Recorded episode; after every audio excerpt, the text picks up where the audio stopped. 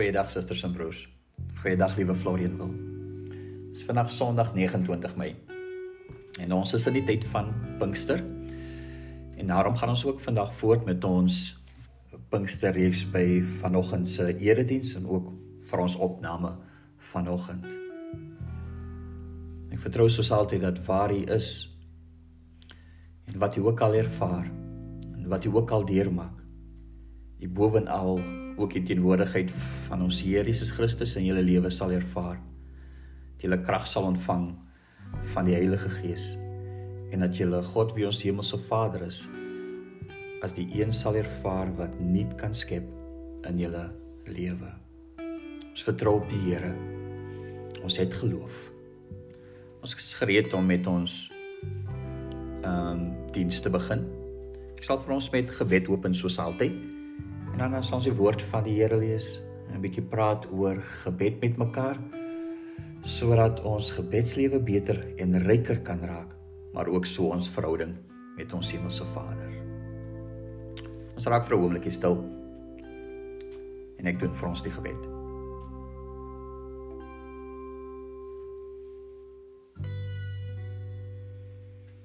Stuur hier u lig en u waarheid en gee Vader dat dit ons mag lei. Ons mag bring na U heilige berg, U woning Heer. Amen. Vriende, broers en susters, genade en vrede vir julle. Vanoggend soos reeds genoem, gaan ons aan en voort met ons Pinkster reeks. En ons Pinkster reeks is waak en bid. Soos jy teen die tyd reeds weet. Maar nou ons twee teksgedeeltes net En vir afgelope tyd het ons enkele verse wat ons net aan u wil voorhou en ons probeer verduidelik in die res van die boodskap. Uh wat is dit wat ons moet hoor van die Here? 2 Samuel 7 vers 25. Hierdie teksgedeelte vertel nog van koning Dawid. Jy sal onthou vroeër in die jaar het ons lank oor sy lewe gepraat. So hierdie is 'n episode uit koning Dawid se lewe. Hy is toe al reeds koning En dis ook die geleentheid waar die profeet Nathan na vore tree. 2 Samuel 7 vers 25 lees: Here God, doen dan nou die woord gestand wat U gespreek het oor die diensknegt en sy huis vir altyd. Doen wat U gesê het. Siters en broers, dis ons teksgedeelte in 2 Samuel 7. Dis koning Dawid wat in gebed verkeer. Ons volgende teksgedeelte is Handelinge 2 vers 42.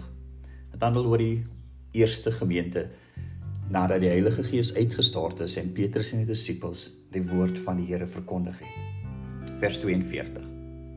Hulle bly volhard in die leer van die apostels, die verbondenheid met mekaar, die breek van die brood en gebede. Tot sover vriende die woord van ons Here. Broers en susters, ons tema vir vandag is bid die woord. Soos jy reeds weet, kyk ons na enkele enkele gebeds elemente. En dan word hoe ons moet bid. En vandag se is gaan oor die bid van die woord. Ons het gelees van die Ou Testament 2 Samuel hoofstuk 7. Hier onthou op 'n vroeëre geleentheid hierdie jaar het ons gelees hoe koning Dawid op 'n stadium nadat hy koning is en gevestig is in sy koninkryk, het hy die idee gehad om vir die Here 'n tempel te bou. Maar word hom 'n huis vir die Here te bou, aangesien hy in so 'n mooi huis bly wat die Here vir hom gegee het. Aanvanklik en dis waar Nathan in die prentjie kom het, Nathan gedink dis reg so. Die koning kan doen soos hy hom voorgenem het. Maar die volgende dag het Nathan teruggekom nadat die Here met hom gepraat het en die Here se antwoord was nee.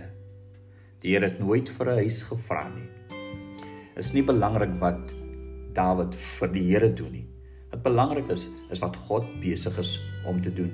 En God is besig om Dawid se koningshuis te bou. En toe volg die beloftes van die Here. En die beloftes was in kort dat die Here Dawid se koningshuis vir altyd sal vestig en in stand hou. Dit sal vir altyd bestaan. Sy troon sal vir altyd bestaan. Hierdie teksgedeelte staan soort bekend as 'n um, ehm, soort van bekend as die Dawid verbond. En dan ons teksgedeelte 2 Samuel 7:18. Koning Dawid het toe ingegaan en voor die Here gaan sit. 'n Mooi moment. Dawid wou goed doen vir die Here en die Here sê nee. En as hy die antwoord en beloftes kry, dan gaan sit hy voor die Here. En in gebed praat hy met die Here oor die beloftes wat die Here aan hom gemaak het. En met vrymoedigheid bid Dawid. En wat Dawid vir die Here vra is dat hy bid oor die belofte. Is dat dit wat aan hom gesê is deur Nathan lê hy voor die Here. En daarom sê ons teksgedeelte begin tog nou en seën die huis van u dienaar. Doen tog soos wat u beloof het. Wat Dawid doen, is dat hy besig is om die woord van die Here te bid. Dit weer voor die Here te lê. 'n Volgende voorbeeld wat ons het wat handel oor bid die woord is in Daniël hoofstuk 9. Nou Daniël hoofstuk 9 vers 2 en 3 sê: Toe het ek Daniël in die boekrolle opgemerk dat die getal jare wat moes verloop vir die pynhope van Jerusalem waaroor die woord van die Here tot Jeremia gekom het 70 jaar sou wees. Ek het tot my God, my Heer, gewend om hom in gebed en smeking te soek deur te vas in 'n roukleed en met stof op die kop. Wat gebeur hier in die lewe van Daniël is dat hy agterkom is dat hy die boekrolle lees, dat hy die woord van die Here lees en dat hy die teks afkom van Jeremia 25. En daarin het die Here vir Jeremia gesê dat vir 'n aantal jare, 70 jaar, sal daar ehm um, sal die volk in in ballingskap wees. En nou as Daniel die belofte ontvang, dan bid hy. Want hy besef dat die getal van jare bykans verby is. En dan praat hy met die Here daaroor en hy vas en hy doen gebede selfs met rou klede en stof op sy kop bid hy dat die Here die beloftes wat gemaak is aan Jeremia waar sal maak. Teksgedeelte vertel in vers 20 van Daniël 9. Hy was nog besig om te bid. Hy was nog besig om sonde te bely, sy eie en die van sy volk. Toe verskyn die engel Gabriël aan hom. En aan woorde en dan sê Gabriël vir hom dat die Here het onmiddellik vir Daniël gehoor en God reageer onmiddellik op sy gebed. Die gedagte is in die punte broers en susters, bid oor die beloftes van die Here. Hou die beloftes van die Here voor aan die Here self. Dit bring my by ons tweede teksgedeelte, die eerste gemeente in Handelinge. En ons teksgedeelte sê hulle bly volhard in die leer van die apostels. Dit is eintlik maar die woord van die Here. Die verbondenheid met mekaar, uh met ander woorde hulle kononia met mekaar, die nagmaal en natuurlik ook gebede. Jy sal onthou met Hemelvaartdag het hulle die belofte ontvang van ons van hulle opgestaane Heer dat hulle die Heilige Gees sal ontvang en hulle moet wag daarvoor. En hulle het mos heelhartig en in eenheid gebid en gewag. En hy belofte het waar geword wat die Here vir hulle gesê het. En so jy sal ook onthou toe die Heilige Gees uitgestort is op daardie dag.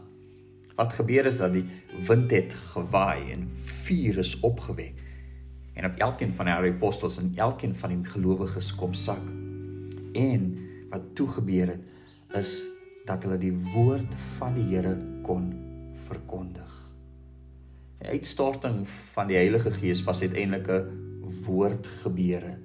Wat uiteindelik gebeur het is dat elkeen in Jerusalem op daai dag die woord van die Here gehoor het in hulle eie taal.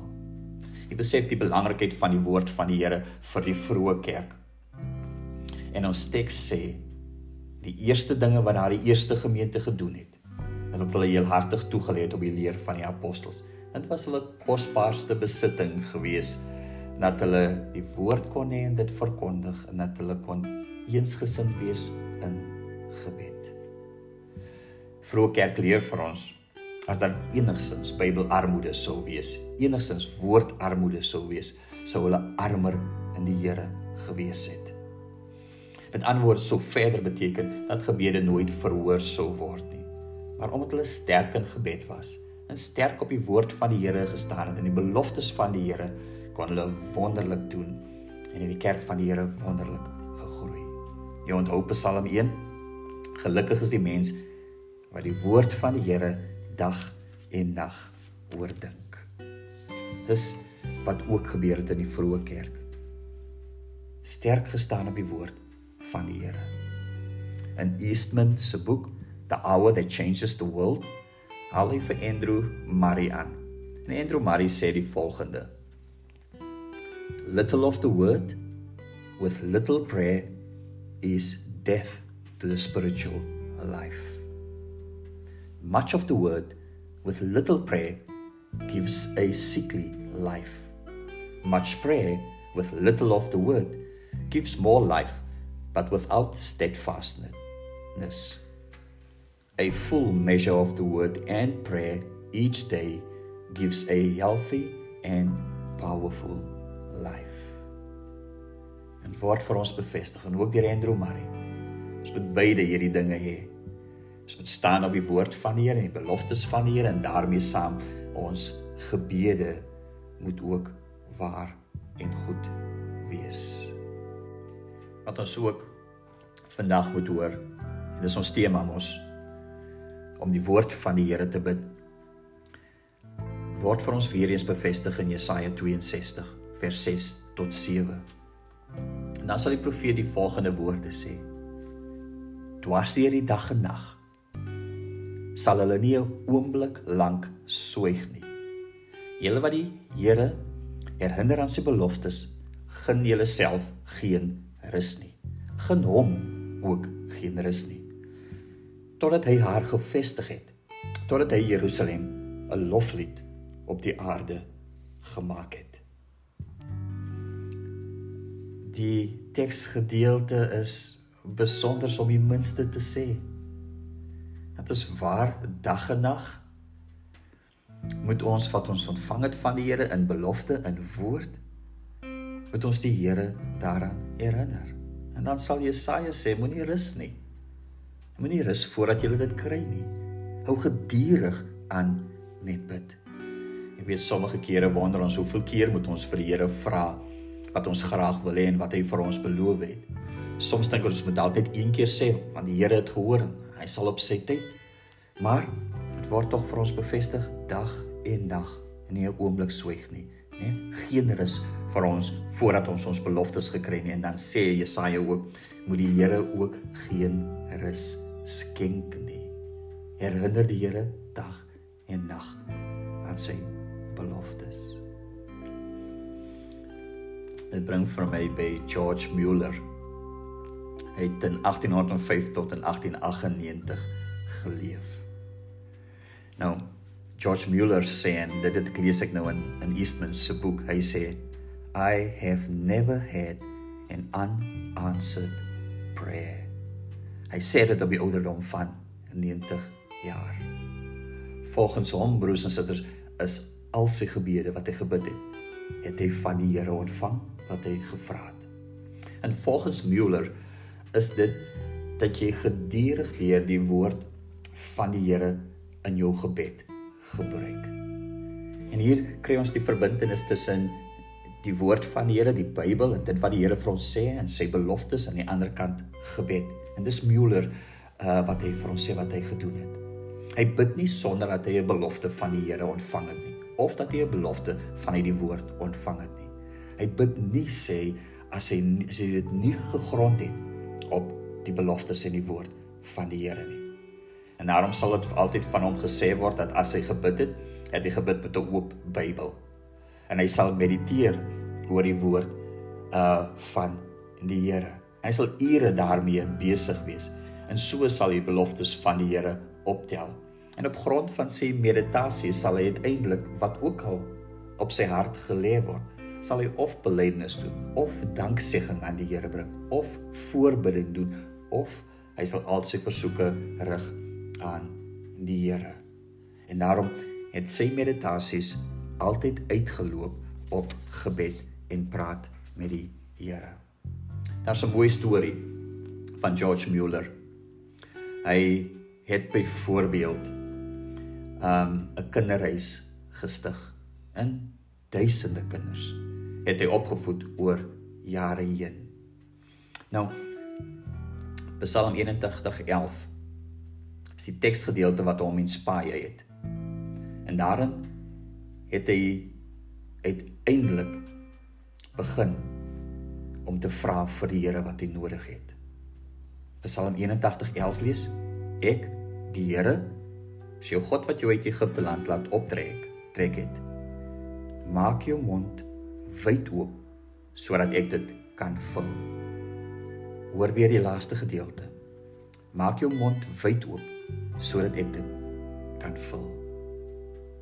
Op grond van hierdie belofte in in Psalm 81 het Müller begin om met sy met sy kinderhuis of kinderhuise. En wat Müller sê is dat hy niks van enige een gevra het nie. Absoluut niks nie. Hy het niemand gevra vir 'n bydrae nie. Maar sy kinderhuis of kinderhuise oor jare heen is gefestig deur hulp van ander. Hy het slegs gebid. Het slegs gebid. Niks gevra nie. En alles wat hy vir die Here gevra het, alles het die Here aan hom ondergee. Slegs deur gebed. Die Here het sy lewe onderhou. Die Here het sy roeping onderhou. Die Here was getrou geweest aan enigiets wat Müller gevra het. Enigiets. Maak jou mond wyd oop sodat ek dit kan vul op grond van hierdie teks het Müller alles gevra wat hy wou hê. Alles gevra en hy het alles gekry. As jy sy lewe lees en as ook baie oor hom geskryf, dan sal 'n mooi verhale vertel word. Natuurlik het dit moeilik gegaan. Daar was sommige daar wat hulle niks gehad het nie en al wat hulle gedoen het. Hy en sy personeel van die kinderhuis het hulle gebid het. En die volgende dag was daar kos en hy sê dat nie eendag verbygegaan dat daar nie genoeg kos was vir al die kinders wat hulle in die kinderhuis gehad het nie. Maak jou mond wyd oop sodat ek dit kan vul. Maar voordat ons broers en susters net hierdie woord vat en onmiddellik al ons versoeke wil rig tot die Here, moet ons onthou waar ons is. Ons is besig om te praat oor die elemente van gebed. En waar ons begin het is dat ons gesê het is dat ons die Here moet aanbid. Moenie die elemente vergeet nie. En die volgende is daardie stilte en wag op die Here, wag dat die Here opdag. Wag tot ons die Here ervaar en soort van 'n silent worship kan hê sê Eastman vir ons. En dan ons gisteraand se boodskap moet ons onthou skuld belydenis. En as ons nie ons skuld voor die Here bely nie, verhoed dit ons gebede. En Müller se lewe was 'n lewe van totale afhanklikheid van die Here. En op grond daarvan en op grond daarvan dat hy die Here liefhet, gedoen het wat die Here van hom vra, het hy alles gekry wat hy gevra het. Van vernagtes. As ons praat oor gebed, soek die beloftes op in die woord van die Here op aan grond van hy beloftes bid vra die belofte is dat die Here sal hoor. Amen. Almagtige Heer wat 'n kragtige woord Here. 'n woord van vra en ons sal ontvang. Vra wat nodig is op grond van die woord en ons sal kry help ons Here om te verstaan en deur die Gees Here die regte ding te doen. So maklik Here gaan dit oor onsself. Maar ons besef Vader, daar is meer hieraan. Daar is eerstens geloof en vertroue in U. Seën ons Here en help ons met hierdie element van gebed. Mag die genade van ons Here Jesus Christus, mag die liefde van God, mag troos en bemoediging deel van ons elkeen se lewe wees. Amen.